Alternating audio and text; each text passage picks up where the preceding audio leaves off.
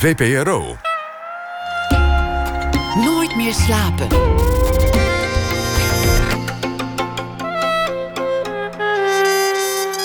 Met Elvie Tromp. Welkom bij Nooit meer slapen. En het is feest, want Paradiso's bestaat 50 jaar. En daarom hebben wij een vijfdelige podcast gemaakt voor elk decennia één aflevering.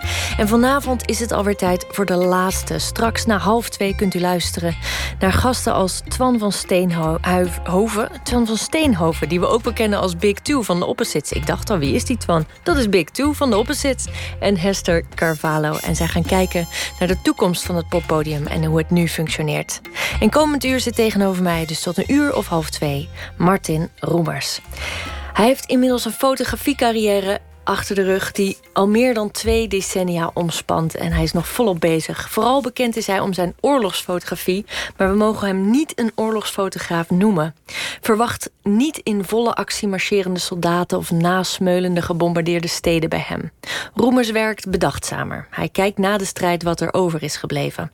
Zo maakt hij de serie Relics of Cold War over de sporen van de Koude Oorlog op het landschap. En Kabul Portraits, waar hij Nederlandse militairen in Afghanistan voor een antieke camera zette nadat de oorlog was gevoerd. Zijn werk is nationaal en internationaal gelauwerd. Zo won hij drie keer de Zilveren Camera, twee keer de World Press Photo Award en de Street Photography Award. Hij werkte als huisfotograaf voor Vluchtelingenwerk, Rode Kruis en Slachtofferhulp Nederland. En vele solo-exposities volgden over de jaren om een greep te doen in de Kunsthal Rotterdam, het Militair Museum Delft, Industriemuseum in Chemnitz, in Siberië, Slovenië en Berlijn, New York, Dubai, Mumbai. Overal is je werk wel ergens terechtgekomen. Um, Ehm, en ook uh, in, in de bladen en nieuwste bladen en de uh, dagbladen is je werk gepubliceerd. De New York Times, de New Yorker, de National Geographic, de Alpine, de Guardian, de Frankfurter Allgemeine. Nou ja, goed, we kunnen wel doorgaan, maar laten we vooral maar eens gaan ga praten. Door, uh, deze week is daaraan toegevoegd een expositie in het Drents Museum. En komende maand zul je te zien zijn in Bonn. Ja, dat klopt. Hallo. Ja. Hallo, welkom. Fijn dat je er bent, Martin. Ja, fijn uh, om hier te zijn. We mogen je geen oorlogsfotograaf noemen. Waarom niet?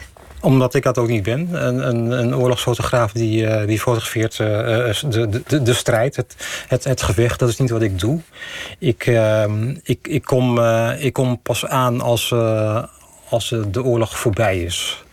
Uh, dus het gaat meer om de nasleep. Dus eigenlijk de, de, projecten, die, de projecten die ik doe, uh, dat gaat meer, over de, de, gaat meer over gevolgen en consequenties van oorlogen en conflicten. En niet om de, niet om de strijd zelf. Ah ja. en, maar er zit een onmiskenbare fascinatie van jou in je werk voor oorlog. Ja. De sporen. Ja. Je hebt ook een uh, boek meteen opengeslagen voor je. met een serie zwart-wit portretten. Is, zijn dit de uh, die, die net nu ge, geëxposeerd worden in het Drents Museum? Dit zijn andere portretten, dus die laat ik nog even, die laat ik nog even rusten. Maar ik heb, um, ik heb een aantal. Um, ja, die, die fascinatie die, zeg maar, voor, voor, uh, voor dit soort onderwerpen. Um, ja, hoe komt dat? Ik denk dat dat is eigenlijk vanaf mijn jeugd interesseerde mij dat al. Um, mijn, mijn opa die zat, die zat in het verzet in het dorp Zoutkamp in, uh, in Groningen. En die, uh, hij vertelde daar verhalen over. En um, dat vond ik als, uh, hoe, ja, hoe oud was ik? 12, 14 of zo. Dat vond ik al woest interessant. En um, ik vroeg me ook echt af van, goh, hoe zal het dan gaan? Dan woon je dus in zo'n dorp en dan komen er Duitsers. En, en hoe, hoe, hoe, gaat hoe, hoe, hoe gaat dat met het dagelijks leven? En al dat soort vragen uh, had ik toen. Wat, wat hield jouw uh, opa's rol in bij het verzet? Um, ja, hij deed onderduikers bijvoorbeeld. Um, ik heb ook iets gehoord van een, van, een, van een dropping die mislukt was... waar ze naar hadden gezocht, uh, wat, wat, wat de Britten hadden gedropt. Um, dus ja, dus met name onderduikers, uh, meen ik. Uh, mijn moeder heeft ook een, een verzetsdaad uh, gepleegd. zij zat op de stoep van haar, van, van haar huis... en er kwam een hele aardige Duitse soldaat langs... en die gaf haar een snoepje. En ze nam het aan, maar smeet hem meteen in de goot. En, dus dat is, dat is de, de verzetsdaad van mijn moeder. Dapper, ja. dapper. Ja. ja. Ik kan me voorstellen dat dat als kind inderdaad impact op jou heeft... dat je denkt, wauw, zo wil ik ook zijn. Maar ik kan me ook voorstellen dat het een argwaan juist tegen uh, ja, milities en militairen en elke vorm van organisatie teweeg brengt. Ik bedoel, het waren uiteindelijk ehm, Duitse soldaten die jullie onderdrukten. Ja, natuurlijk, dat is ook zo. En, ehm, Dus het is niet alleen maar eer en glorie. Nee, dat is het, dat is het, dat is het uh, zeker niet. Uh, dat is ook zo. Um, kijk, ik ben, ik ben dienstplichtig geweest. Um, het was op zich uh, best wel een aardige tijd. Maar er zaten wel een paar, uh, een paar pittige dingetjes uh, tussen. Um, ik, was, ik was hospik, ook in de Johan Willem Frieso kazerne in Assen. Dus die Afghanistan mensen die komen uit, uit diezelfde kazerne. Heb je dat ook bewust gekozen als een soort eer uit jouw verleden? De mensen van de Kabul Portraits? Als een soort? Eerbetoon aan je eigen verleden? Omdat je zelf ook Eerbetoon, nee, er is, er is absoluut geen sprake van, uh, van, van, van eerbetoon. Ik hou, ben erg van afstand, dus ik, ik doe zeker uh, niet aan, uh, aan eerbetoon. Ja, want er zaten toch zo'n 160 militairen in Afghanistan ge gestationeerd toen je daar langskwam. ja, moest... maar ik zal toch even uitleggen van ja. wat eigenlijk mijn drijfveer is om dit, om dit te doen. Absoluut. Um, ik, ik was hospik in, um, in de kazerne in Assen. En uh, in de tijd dat ik daar zat, had je daar een, uh, een behoorlijk aantal mensen die hebben een zelfmoordpoging gedaan. Um, dat betekende dus dat um, ik, ik zat daar in een klein hospitaaltje en, en er, stond, er was een ambulance en je krijgt dan een telefoontje en er ligt uh, ergens ligt er iemand op straat en die, ja, die is bewusteloos en die heeft medicijnen geslikt. En ja, wat doe je dan? Je gaat je stuurt zo iemand de ambulance in en zo'n hospitaaltje is daar niet op toegericht. Dus je met uh, de gillende sirene naar het, het ziekenhuis in de stad Assen. Een week later um, hadden we nachtdienst en er wordt weer gebeld van er ligt iemand in, de, in het toilet in een, in een legeringsgebouw. Um, dus wij halen die jongen uit het toilet, onder het bloed, pols doorgesneden, medicijnen geslikt en ook weer naar het uh, uh, naar het ziekenhuis gebracht. En zo had je in die, in die één zomer had je iets van, van een stuk of tien mensen die dat deden. Dus er ging niemand dood uh, verder. Maar goed, dat maakt natuurlijk wel indruk op je. En allemaal jongens van jouw leeftijd. Allemaal jongens van mijn leeftijd. En het is, natuurlijk ook gewoon pittig, uh, uh, zoiets. En... Was, er, was er een gemeenschappelijke drijfveer voor hun? Een, een, kun, je, kun je die achterhalen? om, om dat te doen. Ik bedoel, was dat in andere kazernes ook zo? Nou, ik heb het, dat, um, ik, ik heb het verder eigenlijk nooit gehoord. Ik weet dat je dat in, het, in, het, in, het, in Rusland komt dat uh, veel voor. In Nederland ken ik het verschijnsel verder niet. Het was wel opmerkelijk dat het toen zoveel waren in zo'n uh, korte tijd. Dus misschien waren ook al mensen die van ja. het is ook een. Kijk, al die mensen gaan natuurlijk wel de, de dienst uit wat ik ervan mee heb meegekregen. Kijk, voor ons was het eigenlijk gewoon meer van ja, eerst hulp verlenen en, weg, en wegbrengen. En daarna hoor je er niet, niks meer van. Maar goed, voor mij persoonlijk, wat het. Um, um, heeft dat natuurlijk nog wel. Heeft dat wel invloed gehad? Want um, ik ben fotograaf uh, geworden. een van de dingen die mij interesseren is, is zijn, zijn, zijn conflicten. Altijd al heb ik altijd al interesse voor, voor gehad. En dat is ook iets wat ik dan als fotograaf kan, uh, kan doen. Dus dan gaat het om um, nou ja, wat, zijn, uh, uh, wat, wat de gevolgen van, van, van conflicten en oorlogen zijn. Maar goed, ik, zover was ik toen nog niet. kijk, wat ik toen heb gedaan is. Um, ik heb de, de, de laatste lichting dienstplichtige militairen gefotografeerd. Want ik weet nog wel hoe, het, hoe dat voor mijzelf was. Uh, dat, is, dat, is niet altijd, dat is niet altijd prettig. En dat, dat, dat moet je ook kunnen fotograferen. Hè, bij, bij die mensen die dan uh, opkomen. En je, we hebben, ik heb samen met een, met een schrijver een jaar lang gevolgd. Echt van de eerste tot en met, tot en met de laatste dag. Nou goed, daarmee is dat, uh, is dat dus begonnen. Dat was eigenlijk mijn eerste vrije project als, als zelfstandig fotograaf. En um, dus dat was afgerond, daar is een boek van gemaakt. En um, eigenlijk was wel een soort van logisch vervolg voor mij althans... om ook uh, te fotograferen van wat het Nederlandse leger uh, uh, verder, verder deed. Dus hè, je had toen natuurlijk die... Um, de, de, de oorlogen op de Balkan. En, en Nederland die maakte daar deel uit van de, uh, van, van, van de vredestroepen. Um, dus ik heb het, uh, het legermuseum, in, dat zat toen nog in Delft... die heb ik toen, um, heb ik toen voorgesteld om een serie foto's te maken op de Balkan. En dat museum had in die tijd een, een traditie om beeldend kunstenaars uh, naar dat soort gebieden te sturen. Dus meestal ging het om schilders. Ik was dan de eerste fotograaf waar ze meewerkte. Um, maar goed, ik, had wel een beetje een reserve uh, erbij. Want ja, kijk, zo'n legermuseum is natuurlijk wel een verlengstuk van Defensie. En um, ik wil niet dat defensie daartussen gaat zitten. ik wil ook gewoon vrij kunnen werken. Ik wil mijn eigen werk doen.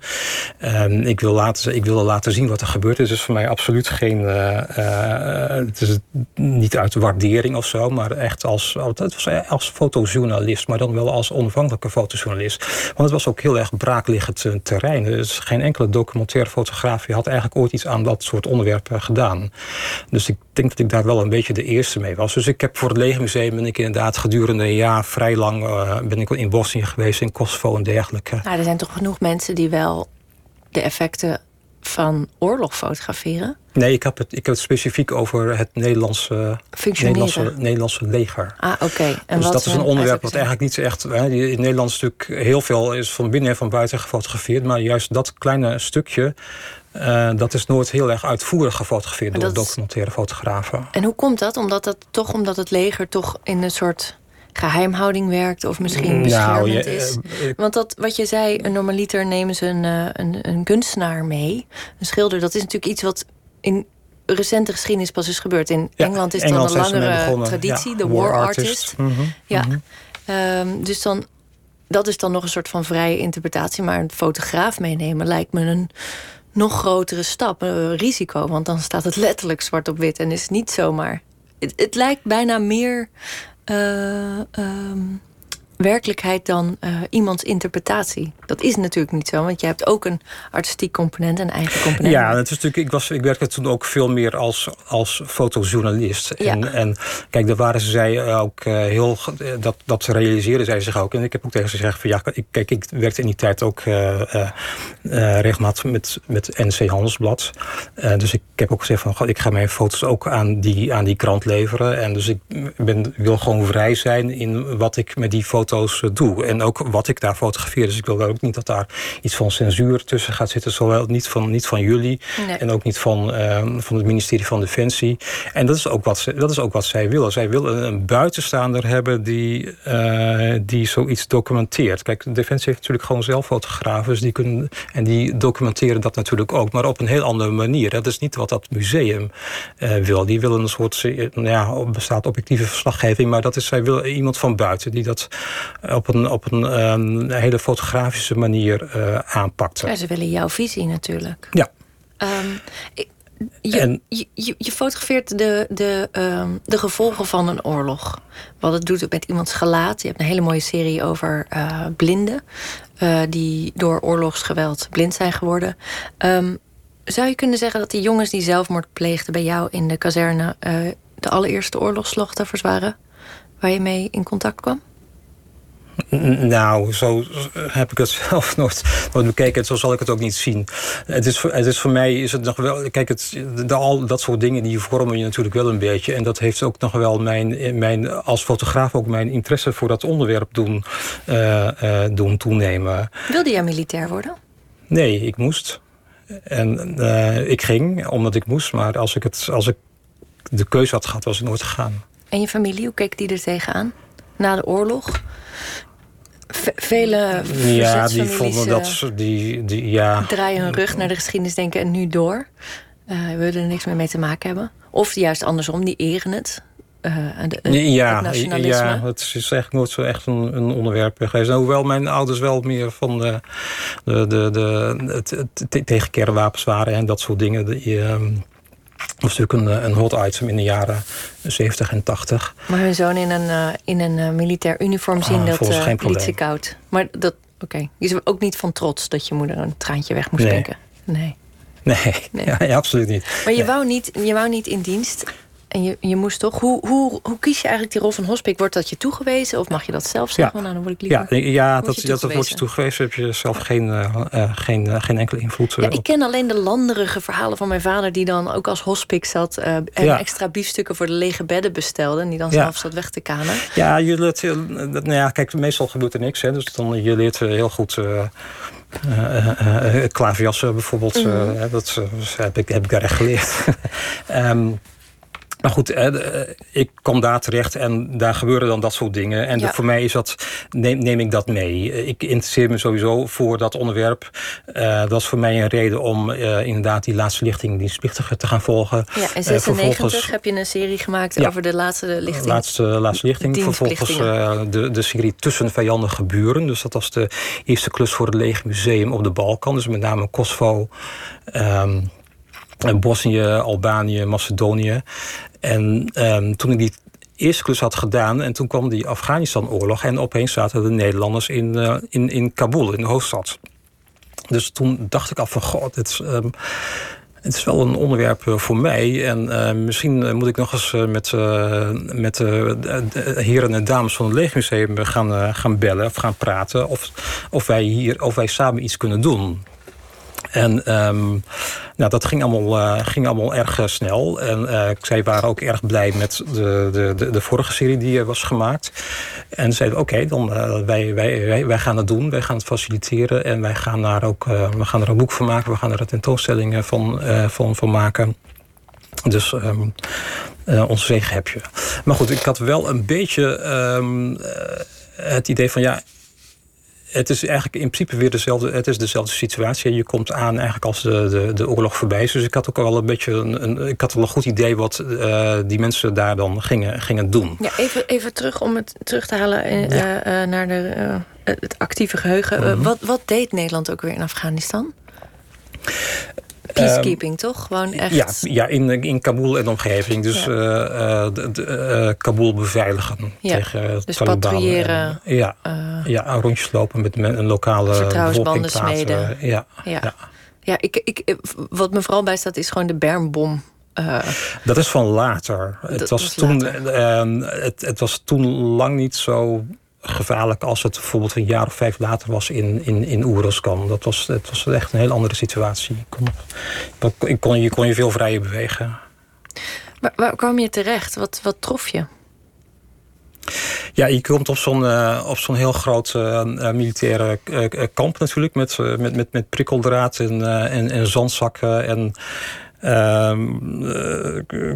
containers. En um, het was eigenlijk uh, behoorlijk goed georganiseerd. Ze zaten er al iets van een, van een jaar. Ik weet niet hoe lang die Nederlanders daar precies zaten. Maar de Duitsers zaten daar ook af en toe. Waar, was er een Amerikaan. En um, ja, wat ik dan zelf doe is uh, kijk, ik heb natuurlijk al contact met, met die voorlichters die, die, die er zijn, maar uiteindelijk moet ik het toch zelf doen. Dus ik praat met iedereen daar. Van, God, wat, wat, ga, wat, ga je, wat ga je morgen doen? Ga je op, ga je op een patrouille? Kan ik dan, kan ik dan mee? Uh, en zo ging het gewoon per dag. Dus overdag ging ik mee fotograferen. Uh, S'avonds ging ik naar de, uh, naar, naar de bar, waar geen alcohol werd geschonken, waar je glaasjes water kon drinken. En dan ging ik praten van wat, wat, wat gebeurt er morgen? En zo vulde ik elke dag mijn mijn, uh, mijn programma in. Wist je van tevoren al wat voor beelden je zocht?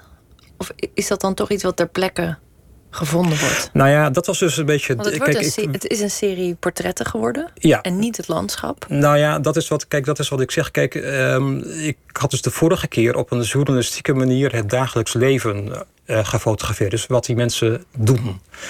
En ik had nu wel het idee van oké, ik weet eigenlijk al wel wat ze doen, maar het is iets een ander land. En eigenlijk zou ik ook wel iets minder laten zien wat ze nou uh, doen, maar iets meer en iets meer laten zien wat ze, wie, wie die mensen nou zijn. Maar ik had eigenlijk nog geen idee hoe ik dat zou invullen toen en ik daar naartoe ging, toen ik daar was. Toch, als ik de, uh, de portretten ook zie, denk ik dat je streven ook was, of misschien zie ik dat erin, uh, wat het voor impact op hun heeft. Ja. Het zijn allemaal uh, niet bijzonder ontspannen gezichten. Het zijn allemaal gespannen, serieuze, krachtige gezichten. Uh, angstaanjagend ook soms, vond ik wel. Nou ja, ja oké. Okay. Ja, nou ja, dat is je eigenlijk. Ik, ik, ik, dat, dat, is jouw interpretatie dan. Nou, maar... ja, mensen die ik, waar je niet mee moet zollen, laten we het zo zeggen. Nou ja, okay, Goede dat... bewakers of mm -hmm, slechte mm -hmm. ruziezoekers. Een van de twee. ja. Die wil ze niet tegen je hebben zo.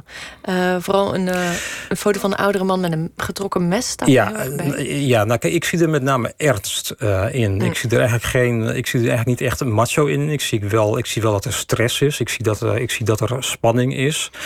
Um, en dat is ook wat ik wil, wil laten zien.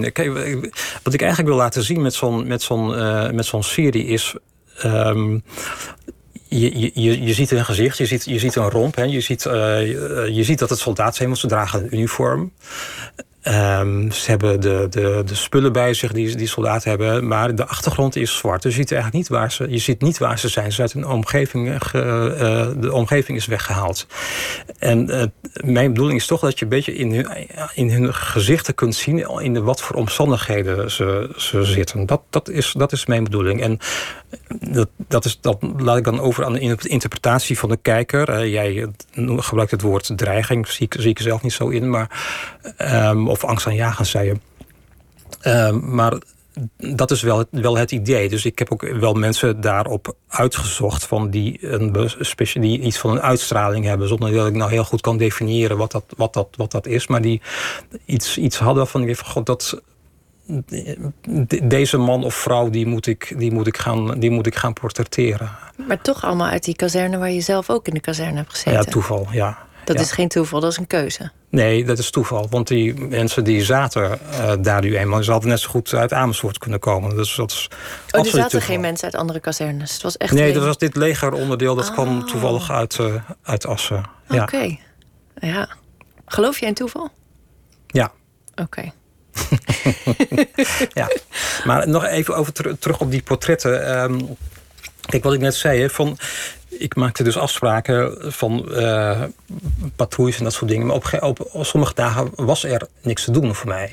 En dan ging ik alleen de stad uh, Kabul in. En uh, een beetje tot ongenoegen van de, van, van, van de mensen daar in, in dat kamp. Want die, ja, die, hebben dat, die hebben dat liever niet. Maar goed, ik ben toch een, een, een, een freelancer, een vrije jongen. Dus ik doe gewoon wat ik waar ik zin in heb. Uh, eigenlijk. Het is je dus ik, leven? Het is, het is mijn leven, zo is het. Dus ik, uh, op een van die wandeltochten kwam ik op een, uh, op een plein terecht waar um, allemaal fotografen aan het werk waren.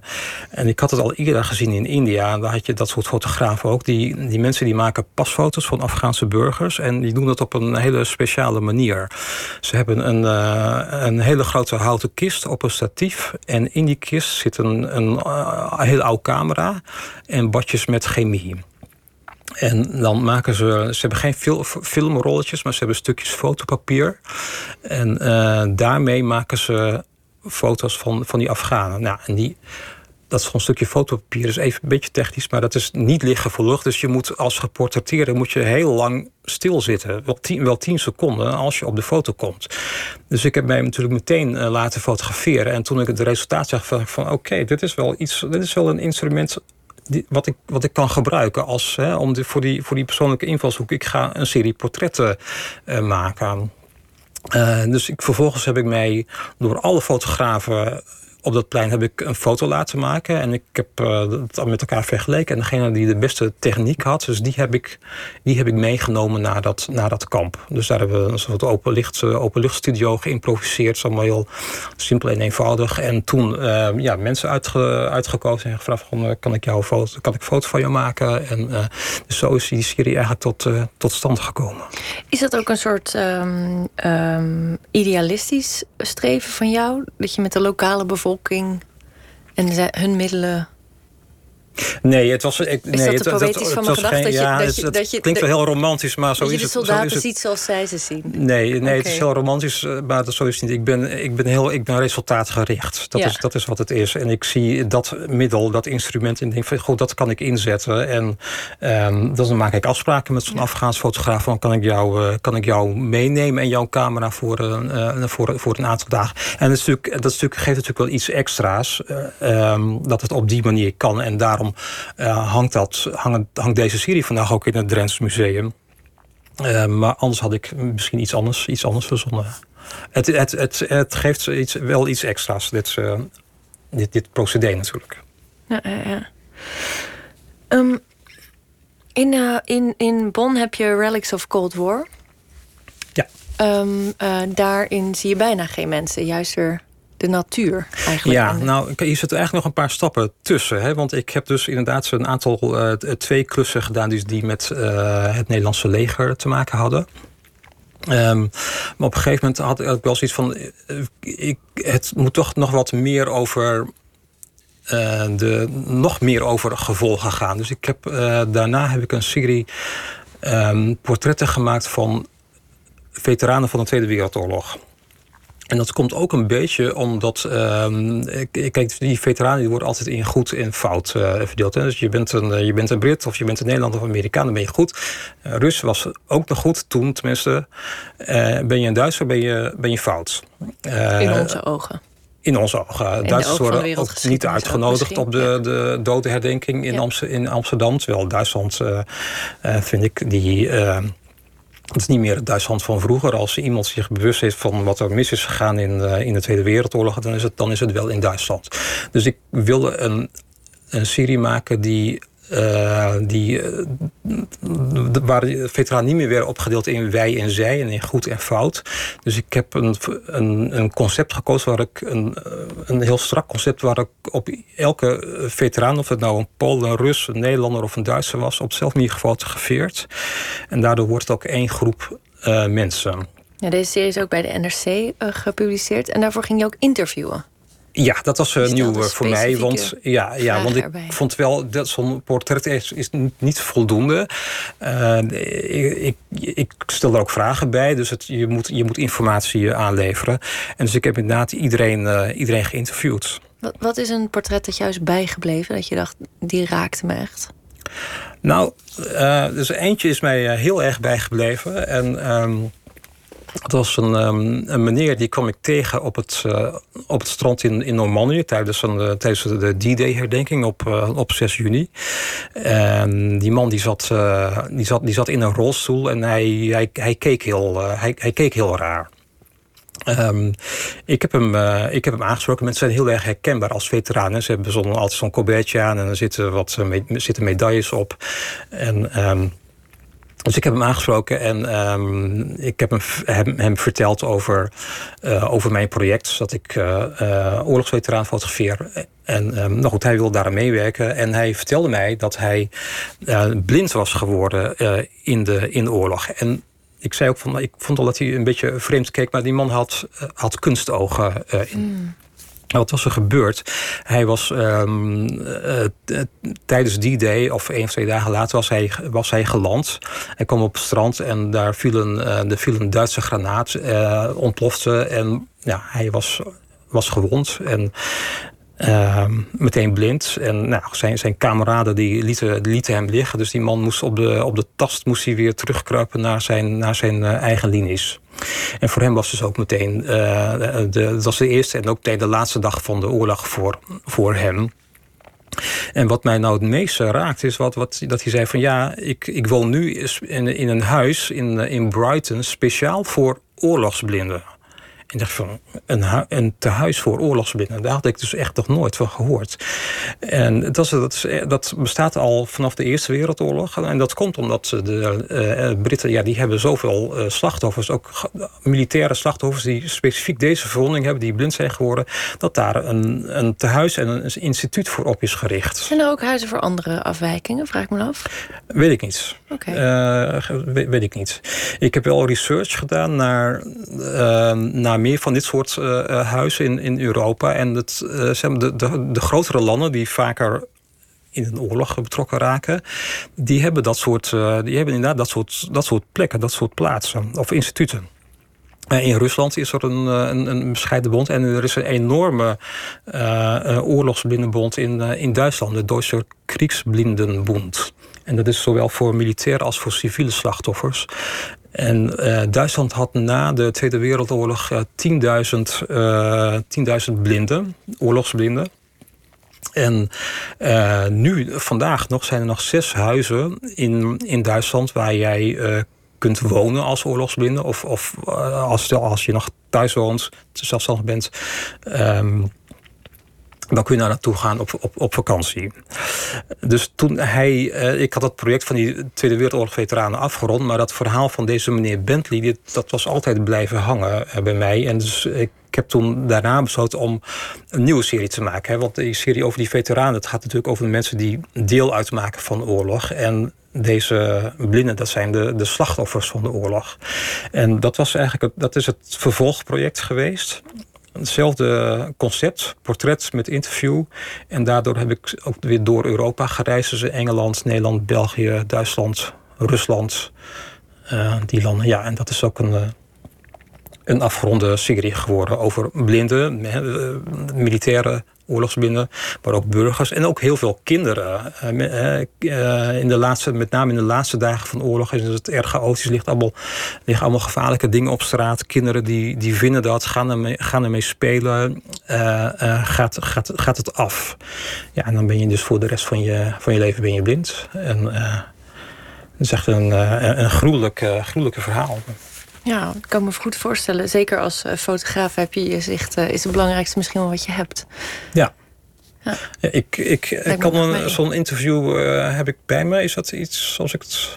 Um, nee, je hebt het nu eigenlijk heel goed verteld, maar. Wil je, wil je een korte voorlezen? Ja, waarom ook niet? Ja. Waarom niet? Ja, Want deze kwamen in de NRC. En wat me zo treft eigenlijk aan dit werk is dat het ook um, een soort tijdloosheid heeft. Net zoals de Kabul Portrait. Het zou de Eerste Wereldoorlog kunnen zijn. Het zou de Tweede Wereldoorlog kunnen zijn. Het zou een oorlog in de toekomst kunnen zijn. Er zijn altijd daders nou, en slachtoffers. En dat, altijd... Ja, nou, dat is ook het achterliggende uh, idee van... Kijk, want deze, eh, die, die oorlogs... Uh, die oorlogs die, uh, te huizen voor, voor blinden, bijvoorbeeld in Engeland...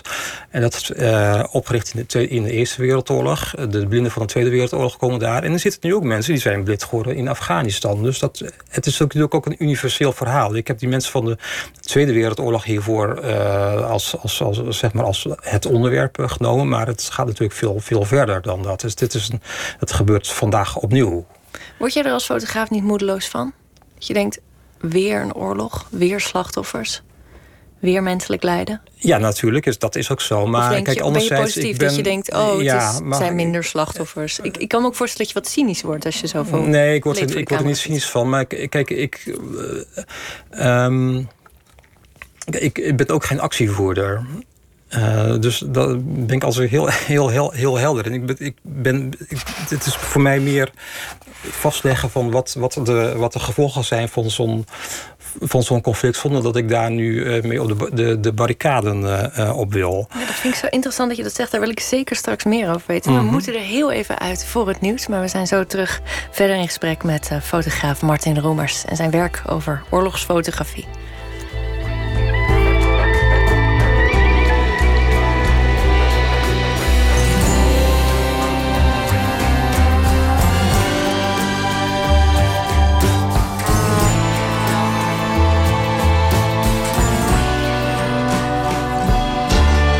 Radio 1.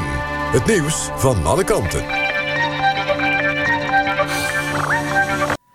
1 uur, Bastiaan Nachtegaal met het NOS-journaal. Een groep bewoners van het Amsterdamse Stadionplein probeert tegen te houden dat het plein vernoemd wordt naar Johan Cruijff. Zo'n 2000 mensen hebben een petitie ondertekend waarin de gemeente wordt opgeroepen het besluit ongedaan te maken. De buurtbewoners vinden dat ze te weinig inspraak hebben gehad op het besluit, schrijft het Parool. En bovendien vinden ze dat, ze dat een ander plein naar de voetballegende vernoemd zou moeten worden, bijvoorbeeld bij de Arena. Alle acht vaste medewerkers van de grootste moskee van Nederland zijn ontslagen. De stichting die de Esselam-moskee in Rotterdam financierde, heeft zich teruggetrokken. Bij de moskee is al jaren ruzie over de mate waarin de geldschieters uit de Verenigde Arabische Emiraten inspraak hebben in het bestuur. Volgens de directeur van de moskee was de maat nu vol en hebben ze zich volledig teruggetrokken. Hoe de moskee nu verder kan, is nog onduidelijk. De weduwe van de man die 49 mensen doodschoot in een homoclub in de Amerikaanse stad Orlando is vrijgesproken. Een jury in Florida oordeelt dat ze haar man niet heeft geholpen bij de voorbereidingen. De man opende in de zomer van 2016 met een automatisch geweer het vuur op bezoekers van de club. Hij werd door de politie doodgeschoten. Zijn vrouw werd gearresteerd omdat ze haar man zou hebben geholpen. Ze zou onder meer op de hoogte zijn geweest van zijn wapenverzameling en zou zelfs hebben geholpen bij het uitzoeken van een doelwit. Er is een kans dat er een referendum komt over de nieuwe donorwet... die bepaalt dat iemand automatisch orgaandonor is. Het kabinet heeft de nieuwe wet vandaag in de staatscourant gepubliceerd. Nu de wet officieel is, kan er in beginsel een referendum over worden gehouden. Het kabinet wil af van het raadgevend referendum, maar de Eerste Kamer moet er nog over beslissen. En tot die tijd kunnen nog referenda worden georganiseerd. Het weer vanuit het zuiden trekken buien over het land. Het koelt af tot 3 graden. Overdag trekt de regen weg met soms nog een bui en soms ook zon, vooral in het zuidoosten. Het wordt 8 tot 12 graden. Dit was het NOS Journaal. NPO Radio 1. VPRO. Nooit meer slapen.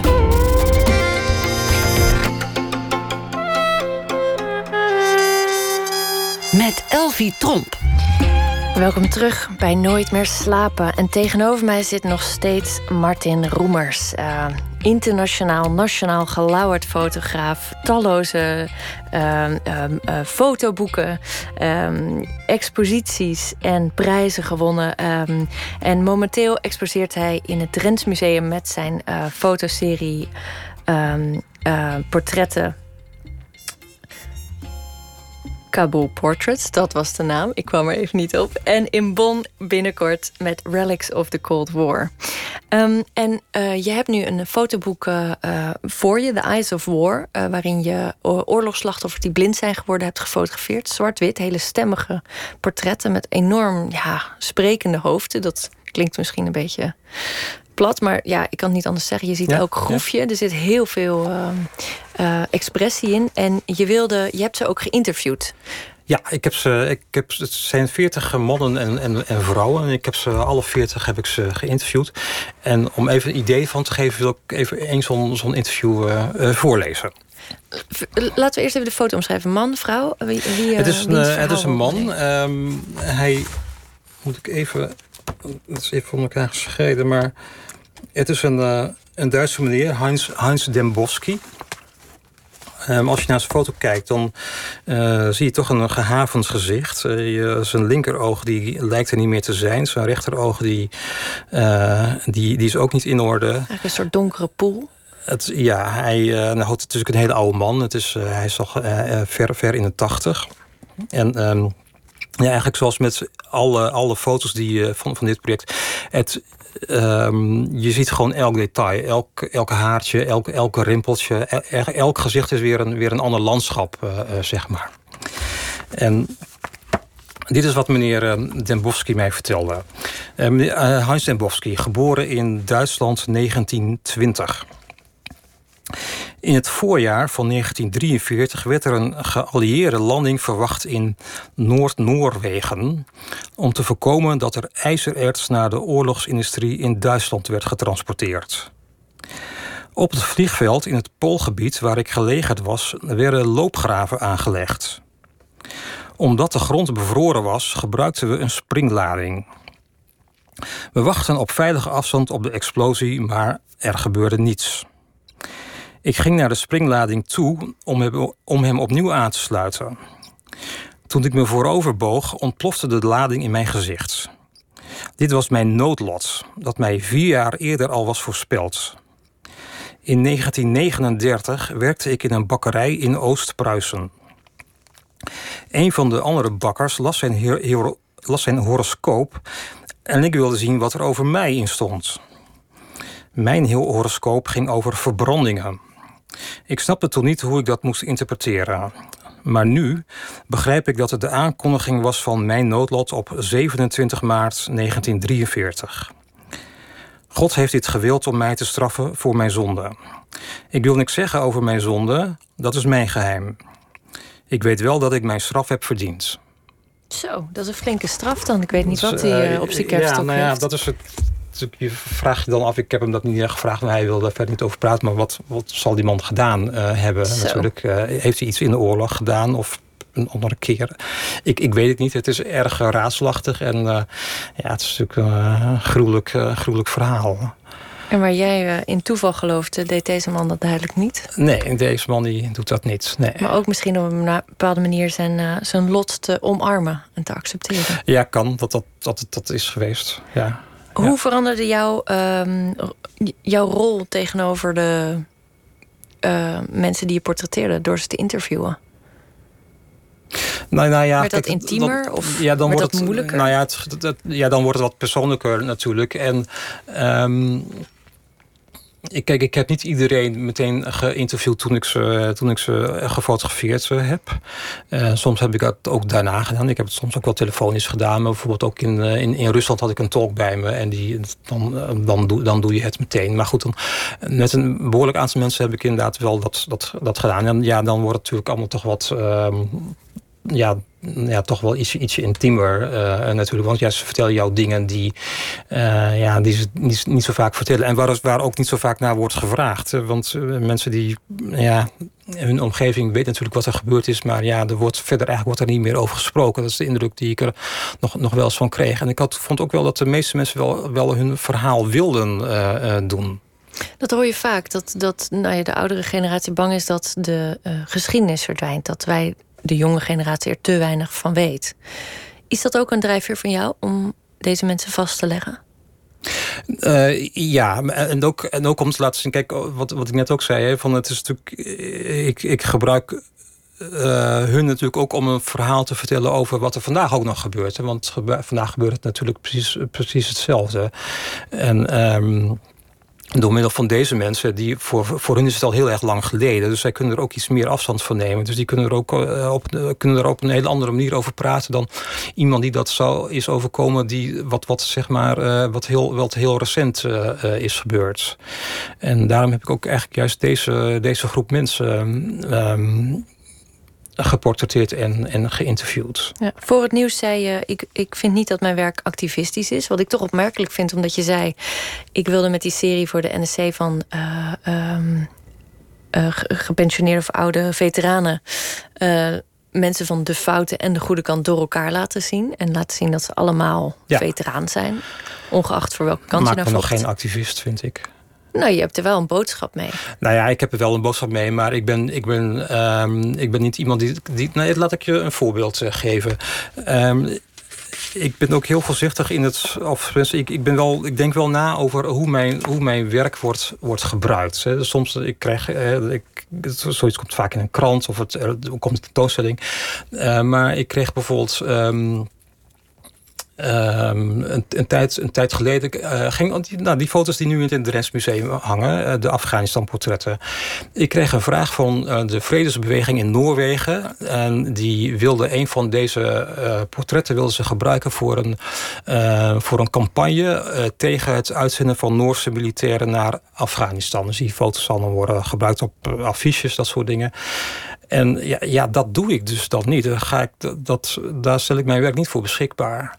Uh, want dat is niet, ik heb het niet met die bedoeling gemaakt om, uh, tegen, om, om tegen iets te, te zijn.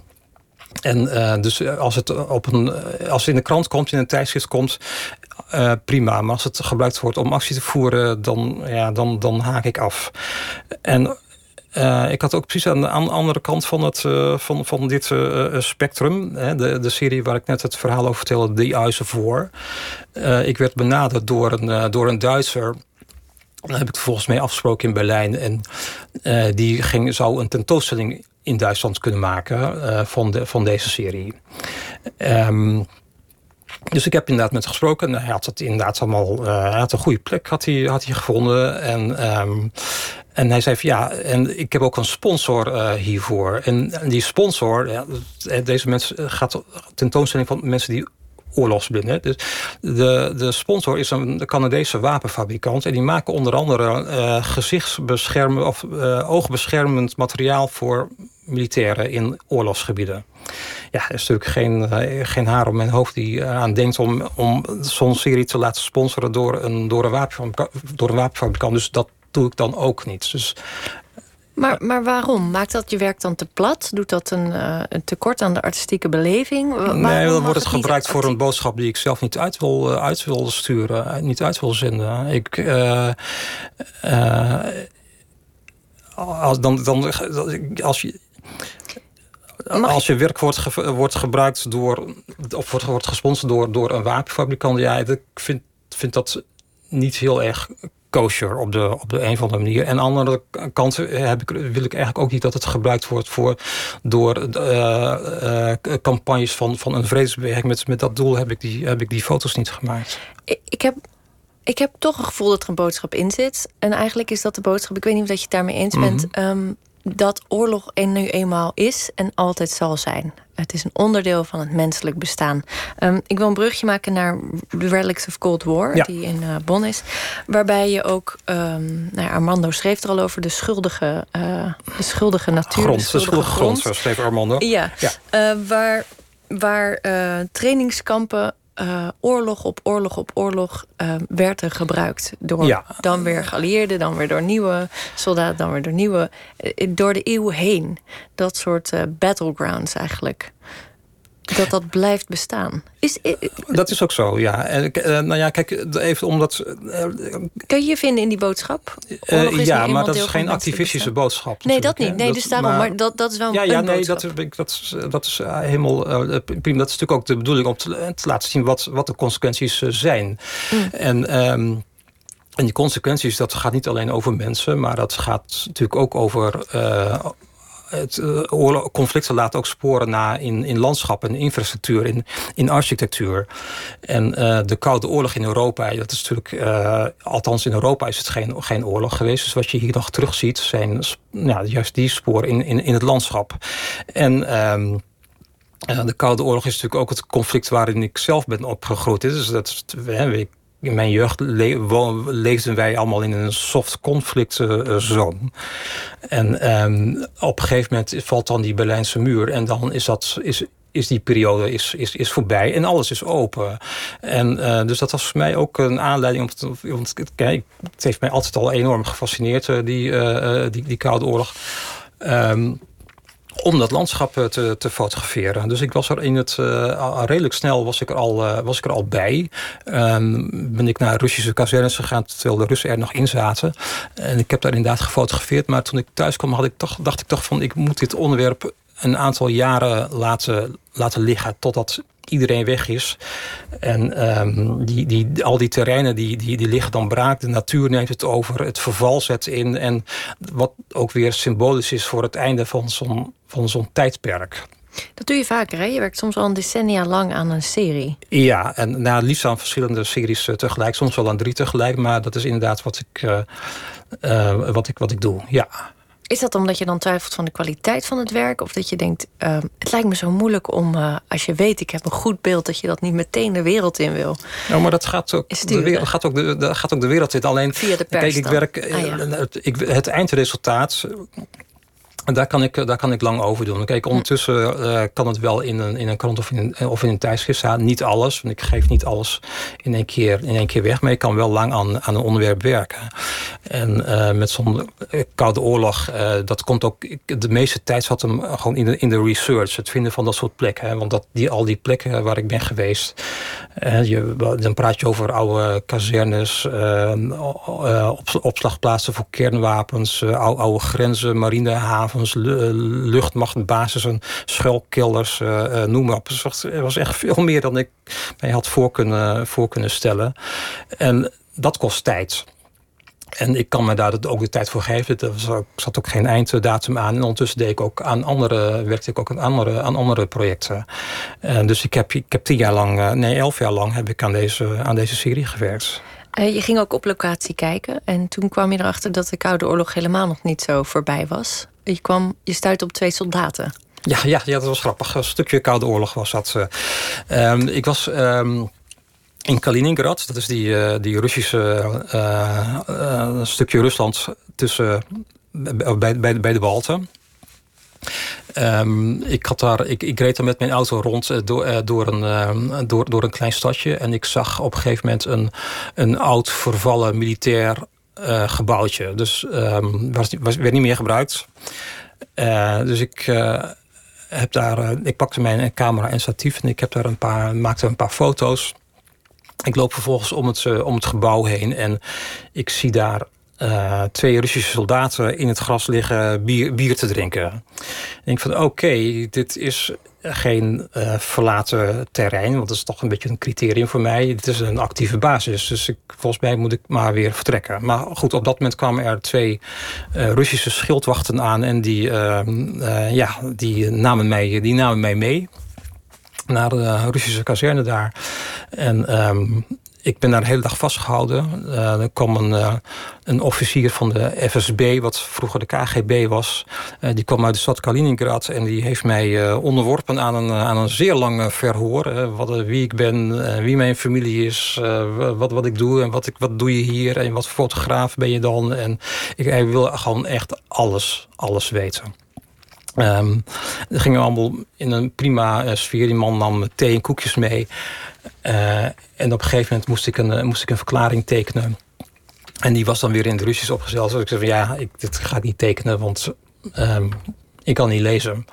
En doe ik niet. En nou ja, goed, iets anders, andere smaak hadden ze niet, zei ze. En uh, ik heb vervolgens mijn, mijn broer gebeld, die is uh, slavist. En die heeft uh, de zaak voor mij vertaald. En zodat het klopt allemaal wat erin stond. En de allerlaatste zin wat die Russen erin hadden geschreven van...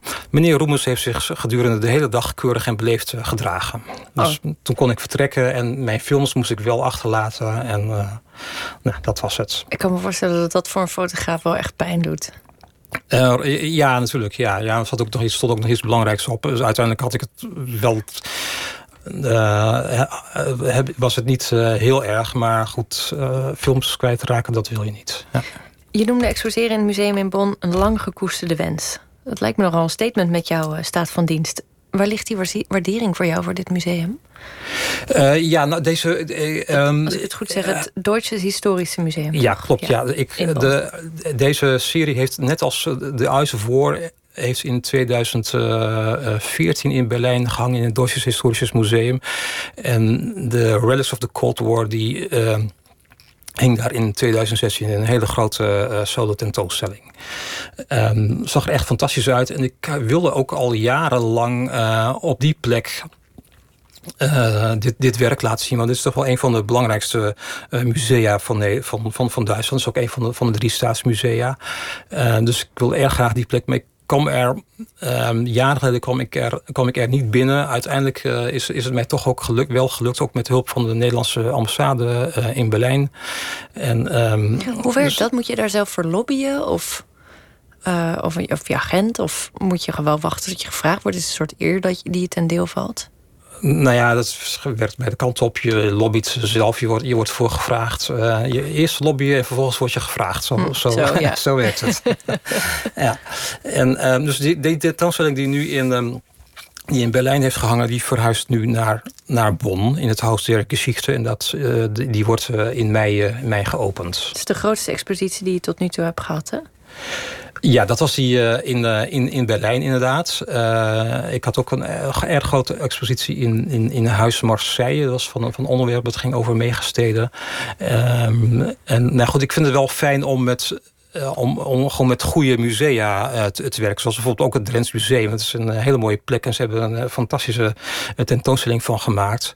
Um, dus het, ik vind het fijn om met dat soort partners dit soort dingen te, te, te kunnen doen. Word je daar nog zenuwachtig voor?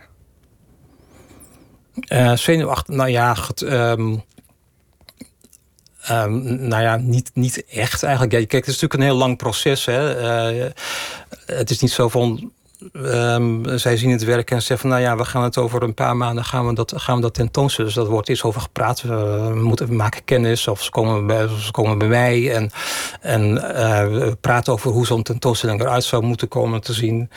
En uiteindelijk kom je tot een soort, soort concept en dan, en dan wordt het uitgevoerd. En dan moet er, dan moet er, er geproduceerd uh, worden. En er zitten allemaal mensen bij, bij betrokken. Dus ook, ik heb een agent die ook veel werk uh, daarin doet.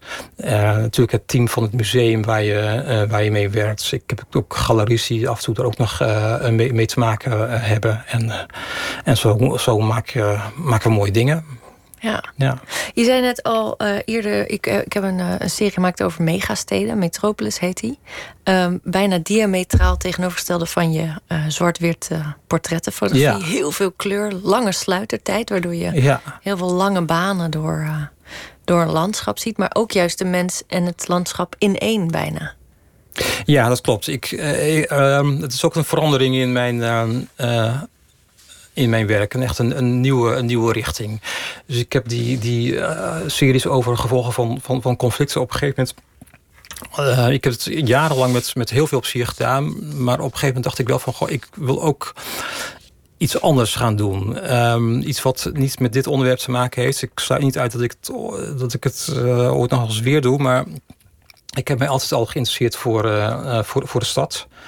En um, uh, nou goed, al jaren geleden toen, um, ja, na, na Afghanistan. Uh, ik ging terug uh, naar, naar Nederland, ben daar een week geweest en ben toen met mijn vrouw naar Bombay afgereisd om, om even uit te blazen. Maar ja, Bombay en uitblazen, dat is moeilijk. Hè? Dat, ja. Je kent het misschien, dus het is echt een hele chaotische stad. Um, uh, herrie, uh, stank. Het, is echt de, de, de overtreffende stad. Mensen, het, heel veel mensen, ze komen heel dichtbij, geen, geen personal space. En um, ik denk dan wel van goh, hoe het, het, karakter van zo'n stad. Ik, was niet mijn eerste keer in Bombay, maar um, ik, vond, ik vind elke keer vond ik het weer fascinerend. En toen ook. Toen ook en toen dacht ik van goh, hoe zou je het karakter van, van uh, die drukte, die chaos, al die energie, hoe zou je dat nou kunnen verbeelden in, in één enkele foto? En um, ja, vervolgens zijn we naar. Uh, um, naar, naar Goa gegaan, naar het, hebben week op strand gelegen. En dat bleef me toch bezighouden van, hoe moet ik dat nou, hoe moet ik dat nou doen? En ik heb toen een soort van concept, conceptje ontwikkeld. En, um, en ben daarmee teruggegaan naar, naar Bombay. En daar is een hele grote moslimwijk bij de Mohammed Ali Road. Um, Volkswijk. Ik heb daar, uh, dat was een oud sleazy hotel. Daar ik, uh, kon ik mezelf naar binnen praten. Hebben en ik heb vanuit zo'n hotelkamer heb ik de hele dag, of de hele middag en de hele avond steeds dezelfde uh, foto gemaakt. En dat was beneden op de straat. Dat was een heel druk kruispunt met veel verkeer, veel, veel mensen. En um, dus ik had dus het, het, overzicht over de stad. Je ziet de infrastructuur, je ziet de gebouwen, je ziet de winkels. Maar je ziet ook de, de, de, de mensen die de straat bevolken. Je ziet het, je ziet het verkeer, de, de auto's, de riksja's, de taxis, de bussen, uh, alles. En dus enerzijds het overzicht, maar anderzijds uh, gebruikte ik ook bij elke foto een lange sluitertijd. Dus je belichtte één seconde, twee seconden, vier seconden. En dus ik let heel goed op van nou, ik weet waar de foto begint. Die begint op de, links op de straathoek en uh, eindigt, uh, eindigt op de, de straathoek tegenover. Dus ik observeer heel goed wat er, wie, wie, er naar binnen loopt, wie stil blijft staan, wie er weer uitloopt wanneer het verkeer gaat rijden. En als ik denk van, god, nu valt alles op alles samen. Dus dan maak ik, maak ik een foto en dan druk ik af. En dat heb ik zo de hele dag door gedaan. Maar goed, in die tijd uh, uh, werd ik nog niet digitaal. Dat doe ik nu bijna ook nog niet trouwens. Uh, dus ik wist ook niet wat erop stond. En ik ben huis, zijn naar huis gegaan en toen heb ik het, het ontwikkeld. En nou ja, goed, de, meeste foto's die kon je weggooien. Maar er zaten een aantal dingen bij waar, waar je echt dat gevoel had wat ik, waar ik ook naar zag. Waar, ik, naar, waar ik naar zocht. Dus de, dat, dat die, die drukte in de stad, die, die, de, de, de stress van de stad. Uh, je ziet, je ziet mens, mensen die bewegen als een soort slierten, die gaan die door je beeld heen. Het die mensen soort... daar tussen stilstaan. Ja, dat de balans moet oké okay zijn. Ja, het heeft ook een soort bijna vals optimisme of wrang optimisme. Want door die felle kleuren denk je, oeh, dit is vooruitgang, oeh, het leeft. Maar dan ligt er wel bijvoorbeeld iemand helemaal voor pampus. Uh, in het midden van het beeld of aan de zijkant degene die stil, ge, stil zit, is dan een. een nou, het is leuk dat je dat zegt. Want een, deze. Een uh, bedelaar in, in ja. lompen. Ja, nou, dus, ik, vond het wel, ik vond het wel beladen werk ook. Toch? En ik dacht ook. Hey, um, is het misschien de blik van de buitenstaander die naar een stad kijkt? Je bent zelf uh, in Groningen opgegroeid. En je ging voor werk als uh, jongvolwassene naar de Randstad. Ja. Dus ik kan me voorstellen dat dat nooit echt jouw plek is geweest. Dat je er altijd als een buitenstaander uh, naar hebt gekeken. Waar ben je toe gaan wonen? In Delft. Delft. Delft nou, dat ja. is nog wel het meest dorpige van alle klein, rand, randstedelijke. in de Randstad. Ja. ja. dus dat is dan niet een hele grote omslag. Maar dat, ik voel me af dat dat meewoog. Dat je altijd toch een buitenstaander blijft. Of is dat misschien inherent aan het beroep ook van fotograaf? Ik denk dat dat inherent is aan het beroep van fotograaf. Ik heb me nooit echt buitenstaander, uh, nooit, nooit echt buitenstaander gevoeld. Dus kijk, het is wel dat ik af en toe kom ik in dat soort steden. En, um, en dat, dat, het fascineert me, het interesseert me. En um, en dat was al jaren zo, maar ik heb er nooit iets mee gedaan. En maar omdat ik toch al een beetje in die omslag zat van... Goh, ik wil ook iets anders gaan doen, uh, dan, dan, dan, dan pak je dat op en, en kijk je of je daar iets mee kunt. Kijk, wat, wat, ik, wat wel belangrijk is voor mij, is als ik, als ik het onderwerp oppak, moet het me heel erg fascineren. Um, want anders dan begin ik er niet aan. Want ik kan, ik kan heel erg lang aan zo'n aan zo'n project werken. Uh, nou, bijvoorbeeld deze, deze serie, wat ik je nu vertel, het waren. Het was eigenlijk een soort, soort, soort testopnames wat ik toen heb gedaan.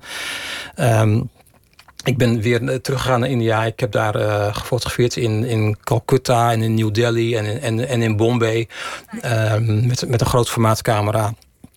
En um, dat beperkt tot India. En op een gegeven moment in 2000 uh, acht was er, um, was, was, er, was er nieuws. Uh, meer dan de helft van de wereldbevolking woont in de stad. En dat, dat hadden we, punt hadden we nog niet eerder bereikt.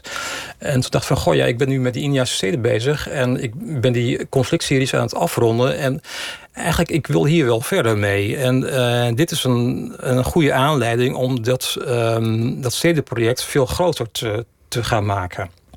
Dus ik ben toen begonnen met uh, het fotograferen van de allergrootste steden ter wereld. En dat, uh, het is gedefinieerd. Dus als er meer dan 10 miljoen mensen wonen, heet dat een, heet dat een megastad is ook een lijstje van. Er staan 22 op. Dus wat ik, ik heb in de, de, de jaren daarna heb ik uh, met het lijstje heb ik al die, al die steden. ik, heb ik heb ze afgevinkt. heb je ze allemaal bezocht? Ja, nou ja, je kon, nou, nee, Jain zeggen de Duitsers dan.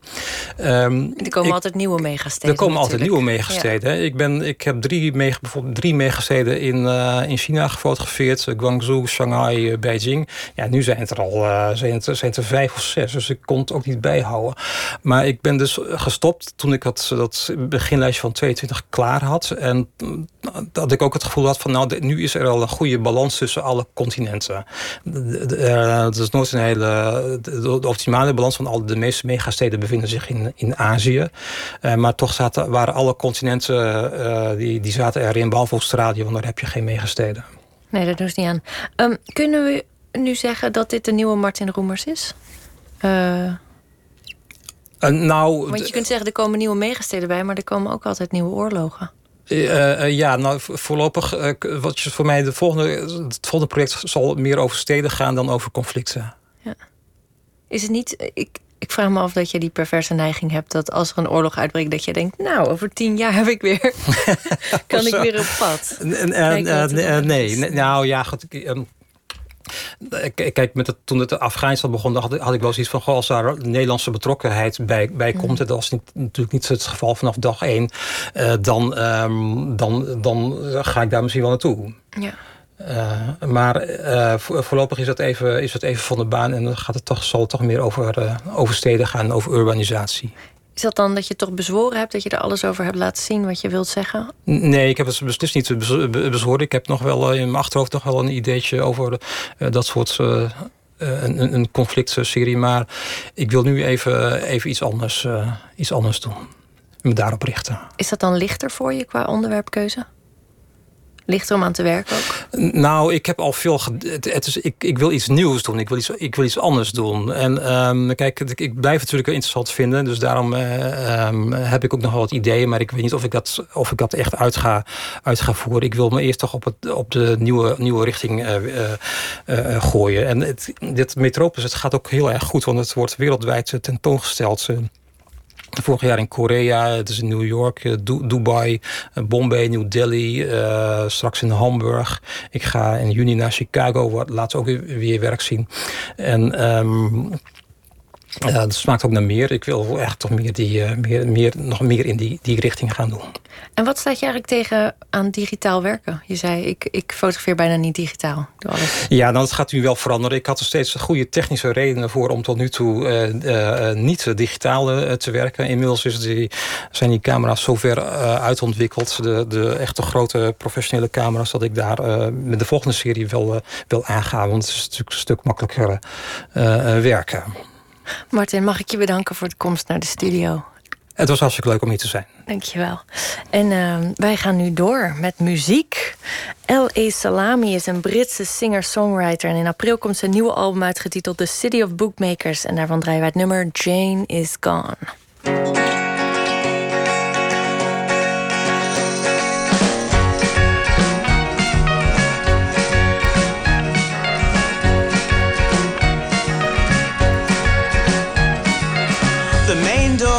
Left wide open, but I took the other. There were shouts and screams, and me, well, I was arbitrator.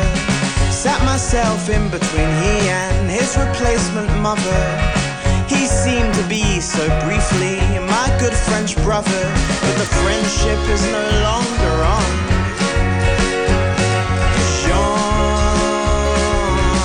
to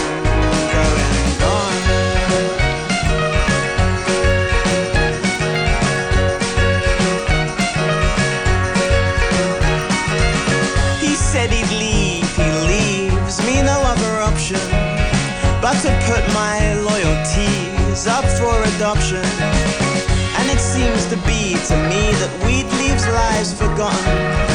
And we used to smoke those leaves oh so very often, often and for very long.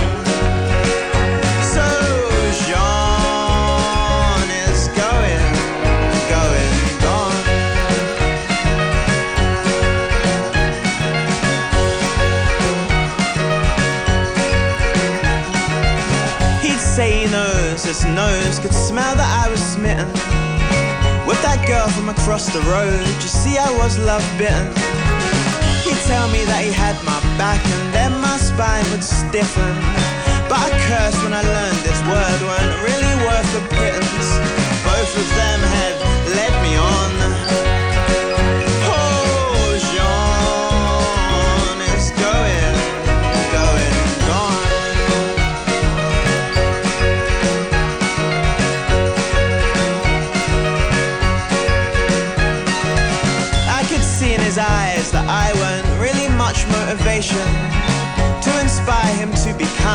Took a mental notation. These lies, no crimes are mine. My truths are on rotation. To be wise, I knew he'd provide all the right quotation. But his wisdom, it was just a con. So, Jean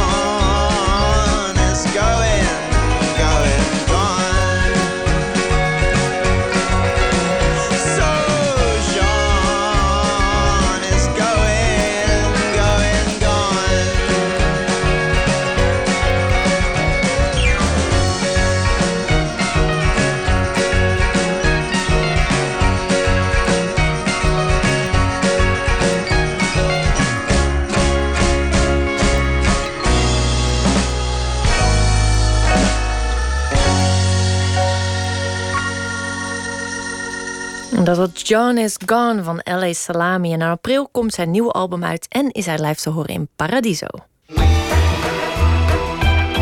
Nooit meer slapen. En nu we het toch over Paradiso hebben, het is vandaag exact 50 jaar geleden dat Paradiso werd opgericht. En dat is de reden voor ons om de podcastserie Paradiso 50 te maken. In vijf afleveringen reizen we door de turbulente jaren waarin het Amsterdamse podium zich ontwikkelde. Van vrijzinnige kerk naar hippie hangout en van drugshol en punkhoofdkwartier tot professioneel en toonaangevend podium waar acts zoals L.A. Salami gaan rocken. Nou goed, deze maand zenden wij elke vrijdag een ingekorte versie van die podcast uit. En vannacht zijn we toe toegekomen aan de vijfde en alweer laatste aflevering, waarin Adse de Vries reflecteert op het afgelopen decennium en vooruitkijkt op de toekomst. Paradiso 50, aflevering 5. The future is now. Welkom bij de vijfde en alweer laatste aflevering van Paradiso 50, serie over het jubilerende poppodium in Amsterdam. De makkelijkste aflevering misschien, want alles ligt nog vers in het geheugen, maar misschien ook wel weer lastig om te reflecteren op iets waar we met z'n allen nog middenin zitten. Uh, we gaan het proberen met programmeurs Ben Kampsma en Kees Heus. Maar ik heb ook nog iemand naast mij zitten die er de hele tijd bij zit, als Twan van Steenhoven, a.k.a. Big Two. Van Wakker. Juist. Uh, voorheen van uh, de Opposites, maar nu dus uh, solo bezig. Yes. en hij stond natuurlijk heel vaak op de planken in Paradiso. Ja. Ja. Ja, mooie tijden meegemaakt. Toch? Ja, is het, zeker weten. Paradiso, is dat voor jullie als Opposites ook het moment geweest... dat je echt een soort push achter je carrière ging zetten? Dat je, dat je echt ging melden aan het front van... nu gaan we echt voor de nationale top? Ehm, nou, er is wel er is op een gegeven moment een moment geweest dat er een soort van hip-hopfeest was. Ik weet niet meer precies welk feest dat was. En dat was in de Paradiso. Want toen hadden wij daar nog nooit gestaan. En ik weet dat wij een soort van geforceerd hebben. We zijn toen naar huis gerend met een, om een memory stick te halen. En toen hebben we een soort van geforceerd dat we daar op konden treden. We waren niet geboekt. We waren absoluut niet geboekt. Maar we gingen gewoon een soort uh, guerrilla gewoon het podium op. En uh, zo van ja, dat kan wel even nu ertussendoor. Het hoort wel een beetje bij. Bij hip-hop, ja, natuurlijk. We hielden het zwaar uh, street. ja, en uh, en uh, toen hadden we daar opgetreden. En toen hadden, konden we wel zoiets zeggen van... Yeah, we zijn de man. Maar ook wel op een later moment. Op een gegeven moment ga je die tours doen... en dan zet je jezelf echt neer als een headline act... die niet alleen maar in een clubnacht komt optreden... maar ook gewoon ja, zichzelf wil laten zien als een op zichzelf staande act. Ja, ja klopt. Wat was de beste show in Paradiso die jullie gedaan hebben? Um, ik denk dat dat de laatste was. Maar voor mij persoonlijk uh, was in... Volgens mij was dat 2010. Uh, toen kwamen wij het podium op. En ik had de hele avond de zaal nog niet gezien. En uh, je weet ook niet wat de energie gaat zijn als je het podium opkomt. En uh, dus wij rennen het podium op en ik zie gewoon dat, uh, dat de bovenste ring, dat alles gewoon helemaal uitverkocht is. En uh, ja, op dat moment sta je gewoon een, het hele eerste nummer met kippenvel, zeg maar. Van ja. holy shit, wat dit Kan je is daar dan ook door, door overweldigd worden dat je dichtklapt of gebeurt dat niet meer? Nee, nee, nee. Ik, kla ik klap altijd naar buiten, zeg maar. Juist op het podium dan. Ik denk in het dagelijks leven zou je er nog wel eens van dicht kunnen klappen, maar...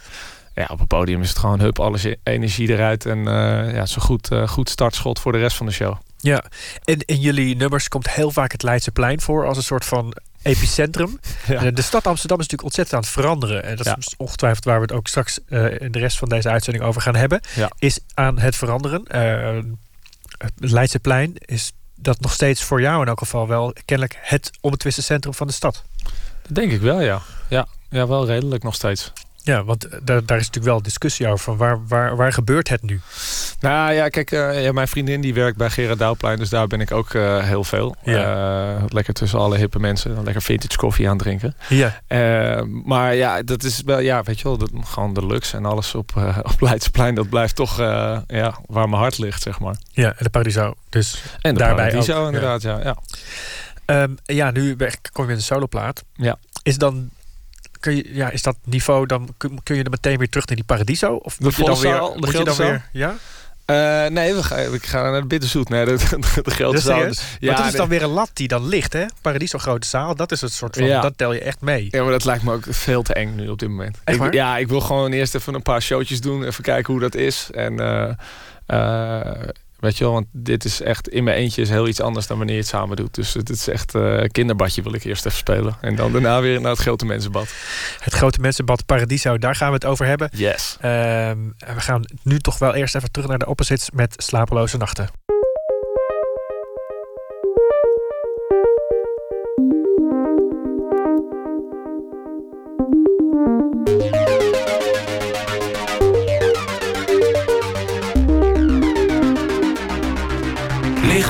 In mijn bed, mijn hoofd vol met gedachten.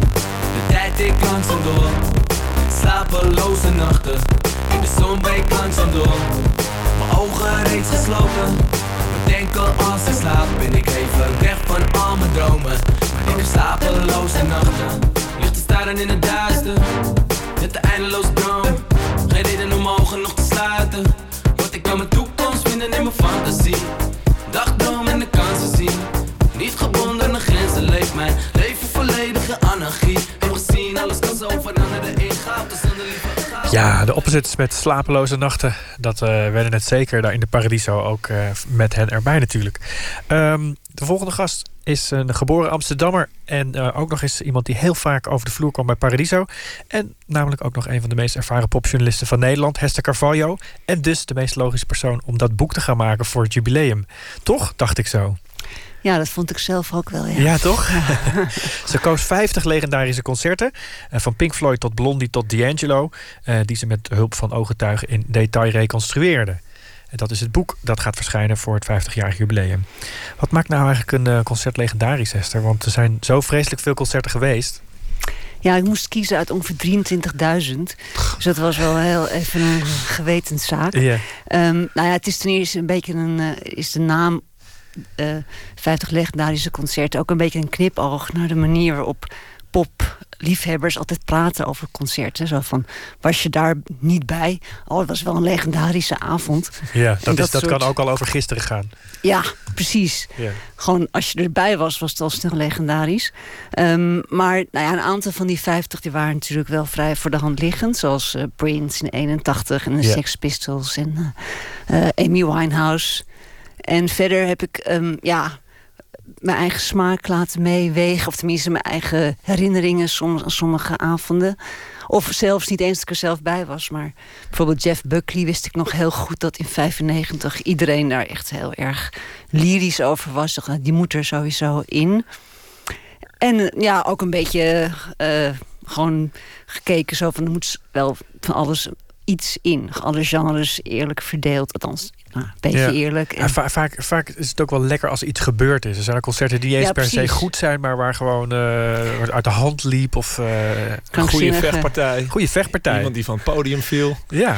Ja, of een drama zoals uh, De Dijk zit erin met de avond dat Solomon Burke er dus niet was. Ja. Die er wel bij had zullen zijn. Die zou dus, optreden met De Dijk. Ja, en die overleed twee dagen voor het geplande optreden op Schiphol. Dus oh, toen hebben ze toch laten doorgaan en met een soort viering van zijn leven nou ja, dat is, ja, dat is een verhaal wat ook onlosmakelijk met Paradiso verbonden is. Dus dat, dat was ook heel erg op zijn plaats. Ja, ja, ja, ja, ja. Zit er eentje tussen die zelf echt jouw, jouw eigen favoriet is? Waar ik zelf ook bij was. Ja, ja, ja, waarvan je echt denkt van wow, change my life. Dat ik dit heb meegemaakt? Uh, nou ja, echt waarvan dingen waar ik heel graag bij had willen zijn. Die er ook in zitten. ja, ja. Die er niet bij was. Maar ja, wat eerst wat wel in me opkomt is Nirvana. Hoewel dat niet eens op dat moment zo'n uh, enorme indruk maakte. Maar meer in de hele in de geschiedenis heeft dat zich wel heel erg opgeblazen tot een gigantische gebeurtenis. Ja, precies. Het momentum dat die plaat natuurlijk net uit was. Nevermind. Ja, en toen dat concert, wat ook heel laat begon... en wat een gigantische heksenketel werd... en waar die man van de die cameraman bijna van het podium is gegooid... de Kurt Cobain. En, ja, en toen daarna explodeerde echt alles in hun, wat hun reputatie betrof. Dus toen, ja, toen was het wel extra geweldig om daarbij te zijn geweest. Ja, en dat zijn natuurlijk de, de, de momenten die iedereen dat onthouden is ook dat, dat, dat duwmoment. Daar ging het dus in de vorige aflevering van de podcast ook al over. Want dat is dan toch wat, wat, wat opvalt. Hè? Net als die Hells Angels die uh, Iggy Pop bestormen bijvoorbeeld. Uh, ja. dat, daar zou je ook bij willen zijn. Terwijl je op dat moment misschien liever... Niet bij was. Er graag vandoor gaat. wat is jouw meest legendarisch concert in Paradiso? Twan, heb je er één?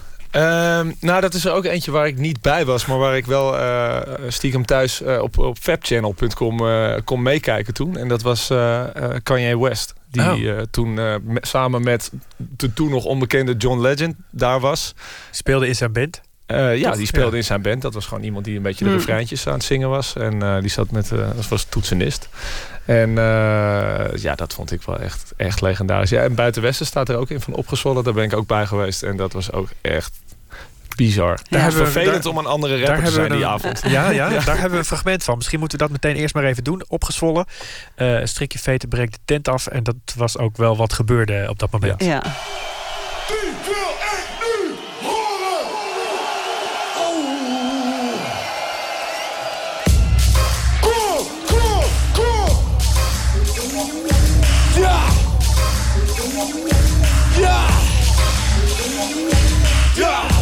Breekt de tent af. Iedereen. Oh, weten breekt de tent af. Dus ik en ik, het Rituele shit. Even afreageren. Als het er tegen zit. We klappen elke keer. Je hebt een meter weten dit. Je snapt de bedoeling. Wanneer het me tegen zit. En ik stap niet op meteen. Ik druk de lucht uit je nij. Dus begrijp. Met de tijd ben ik berucht. Ik red een lijn. Maar nu ben ik terug. Ik red een mij. Dus klap die koppen op. Wanneer wanneer de trek wordt gedraaid. Dacht dat ik die ja, hier was je dus wel bij, Twan, toch? Ja, ik was hierbij. Ja. Want jij bent, ja, ik, ik was daar ook als publiek. Dus uh, ja. jij bent daar dus als, niet alleen als publiek, maar ook als rapper. Ja. Wat viel je op die avond? Nou ja, wat ik net zei, het is heel kut om, om, om een andere rapper te zijn die niet op het podium staat uh, daar. Het voelde echt dat daar alsof je moest daar staan eigenlijk. Ja, maar het is, het is grappig, want als ik nu aan kids die nu in, in de hip-hop groot zijn, zeg maar, probeer uit te leggen wat daar toen gebeurde Uh, die, die weten dat eigenlijk niet. Maar dat is, het was zo bizar. Gewoon wat, die, die wat energie in de zaal. Bizar, omdat het zo'n ongelofelijke het was bijval een soort, kreeg. Jezus, echt een soort echt een... secte bijna. Weet je, op ja. een positieve manier hoor. Maar gewoon, oh my god, wat een explosie en een, en een harmonie was daar. Weet ja. ja. Uh, even voor de mensen die er nog nooit van gehoord hebben. Het was dus opgezwollen uit Zwolle met Typhoon, die toen nog helemaal onbekend was. Voorprogramma, uh, Duvel Duvel uit, uit Rotterdam, die daarbij hoorde. En ja wat? Ja wat? Een belangrijk moment voor de Nederlandse hiphop? Ja, ik denk ook dat dat voelbaar was dan misschien die avond. Dat toen echt een enorme uh, bloei uh, begon aan te komen. En dat, dat de mensen er waren, waren ook echt de hip-hop kids. Gewoon hele jonge mensen die misschien anders nooit in Paradiso kwamen. Maar die gewoon wisten van dit, ja, dit is het. En ja, ook achteraf kan je dat dan toen ook zeggen. Maar vanaf toen is er ook wel een ontzettende hip-hop uh, groei gewoon gekomen. Die ja. nog steeds voordoet. Ja, dus er zijn wat dat betreft twee verschillende soorten legendarische concerten. Hè? Je hebt de concerten waarvan je op de avond zelf voelt.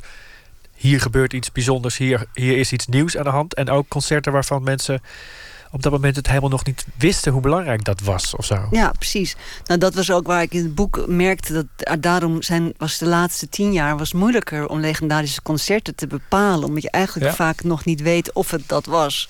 En is het van begin jaren tachtig heel makkelijk om te zeggen, ja, Joy Division natuurlijk. Omdat ja. er van alles gebeurd is daarna met Joy Division.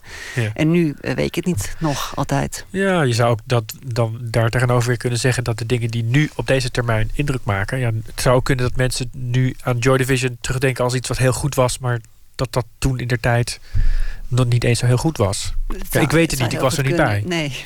Was jij daarbij? Nee, nee daar was ik niet bij. Nee. En wat mij nog het meest, uh, wat ik nog het grappigste vond eigenlijk, is dat kijk, jij bent natuurlijk qua leeftijd kun je natuurlijk nooit die 50 jaar van Paradiso helemaal bestrijken, maar je bent eigenlijk wel zo'n beetje overal bij geweest, al vanaf heel jong af aan.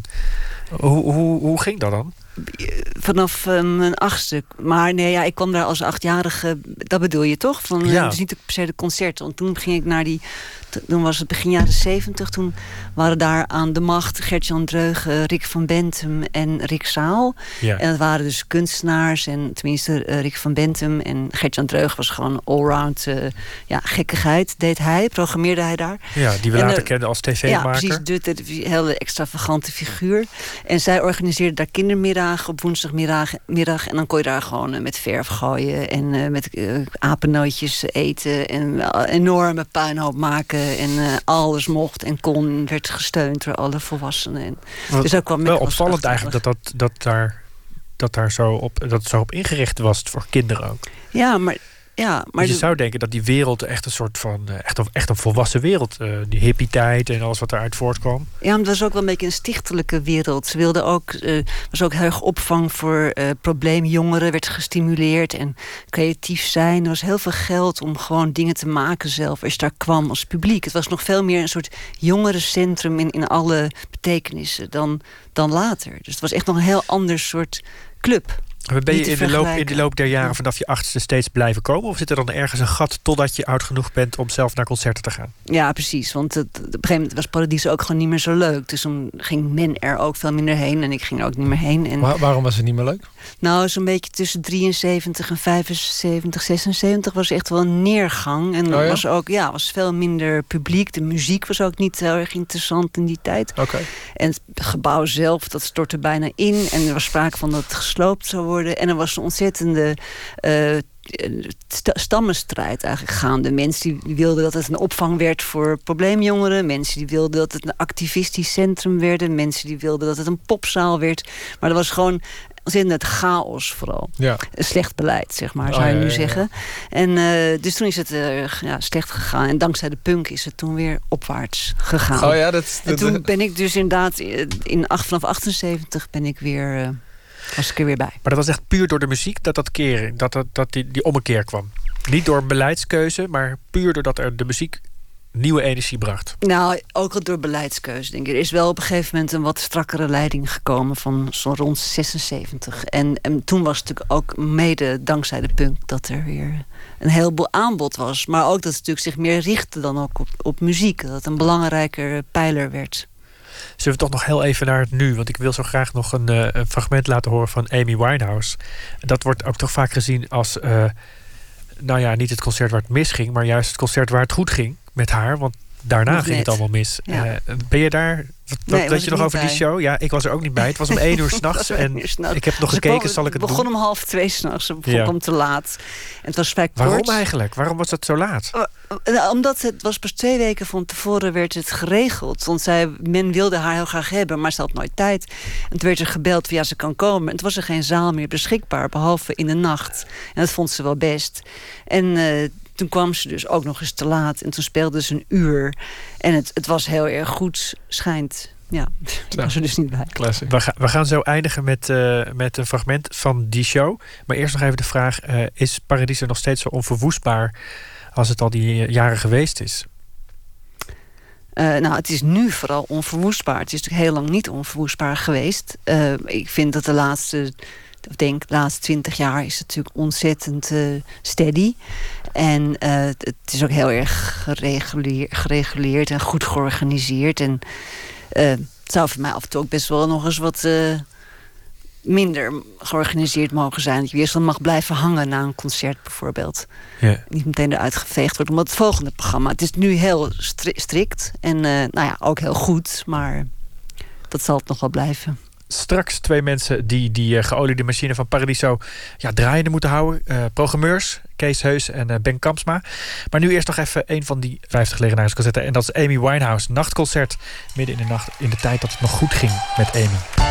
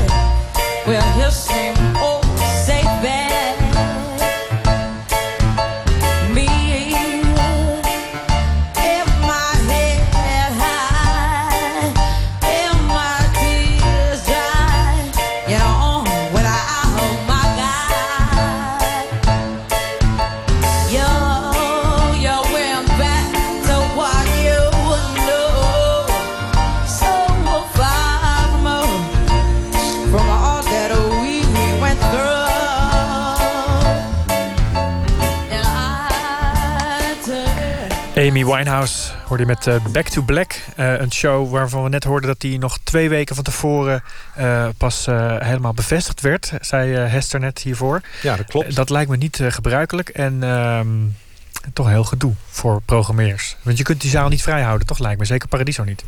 Volgens mij was het een nachtconcert. Dus, ja, maar ja, je hebt ook altijd s'nachts vaak toch wel dingen. Ja, maar die lasten wel graag af voor dit soort concerten. ja, dat zal wel, ja. Ja, nee, uh, weet je, als, uh, we hebben natuurlijk ook wel af en toe met Prins gehad... dat we ook uh, dan een bijvoorbeeld een noodlanding hebben gecanceld. terwijl, en ja, dan, dan ging Prins toch Huilen de studenten voor de deur, ja. Huilen, precies. Ja. Um, ja, dat boek van Hester waar we het net over hebben gehad... misschien moeten we daar maar even bij aanhaken. Want een van mijn favoriete anekdotes uit dat boek... gaat over jou, uh, Kees. dat is namelijk het verhaal dat jij eigenhandig... het concert van uh, Eminem... en met name de opkomst van Dr. Dre moest regelen. Ja, dat was wel een hele rare situatie, ja. Ik bedoel, ten eerste, er zat zoveel druk op dat concert. Door, door ook dat we hadden te veel kaarten verkocht. Dus het publiek kon er niet in... Uh, en uh, ja, Eminem was uh, gewoon keihard aan het rocken. En in één keer hoorden we via via dat ja, Dre geen zin had om op te treden. Zoiets van, hè, geen zin om op te treden. Ja, toen ook met de manager, of ik weet niet of het een tourmanager was of zo, maar hele preek gehouden van... Ja, maar hier staan gewoon jouw fans. Ik bedoel, ik kon me gewoon niet voorstellen dat, dat een artiest... Ja, maar dat zijn een beetje de illusies van weet je, als programmeur zijn dat je je helden ontmoet of zo, weet je wel. Van ja, maar dit zijn mensen die, uh, die hebben jou groot gemaakt. Hoe kan je nou zeggen... En er stond contractueel volgens mij contract 5. En toen, uh, volgens mij was ik met Ron Eusen daar ook. En van Mojo en Nicolien was er ook volgens mij bij. Maar op een gegeven moment was het gewoon, nou oké, dan één. Maar Dr. Dre is ook niet zo iemand waarbij je zomaar de kleedkamer binnen mag lopen waarschijnlijk. Nee, nee, nee, nee. dat is ook ingewikkeld. Maar ik bedoel, heel veel van die artiesten vinden dat ook wel heel prettig hoor. Dat je niet bang bent. Of dat je wel dat soort dingen doet. Maar ja, dat was echt... Uh, nou, uh, ik, weet je, op uh, echt inpraten. Nou, doe er wel één. Oké, oh, nou, doe er dan vier. doe er dan drie. Doe er dan, weet je, nou, uiteindelijk hebben we een handig geschud op drie.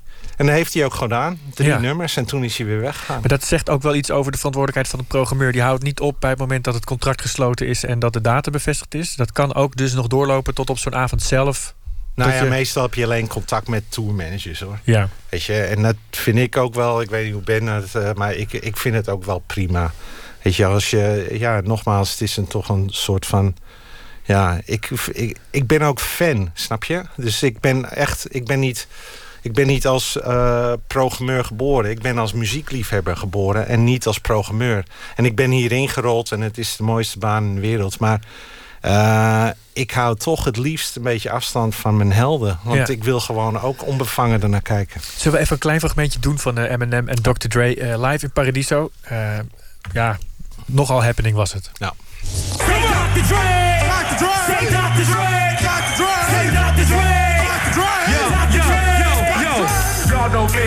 Same OG, but I've been low key. Hated on by most these cats with no cheese, no deals and no G's, no wheels and no keys, no post, no no, no bills and no skis. Mad at me cause I can finally afford to provide my family with groceries.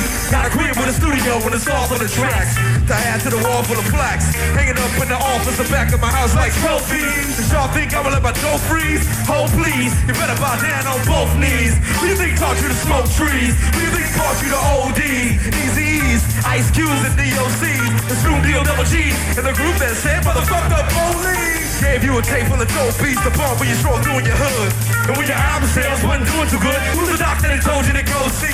Y'all better listen up closely. Everybody that said that I turned pop or the firm flop, y'all are the reason that Dre ain't been getting no sleep. Fuck y'all, all of y'all. If y'all don't like me, love me.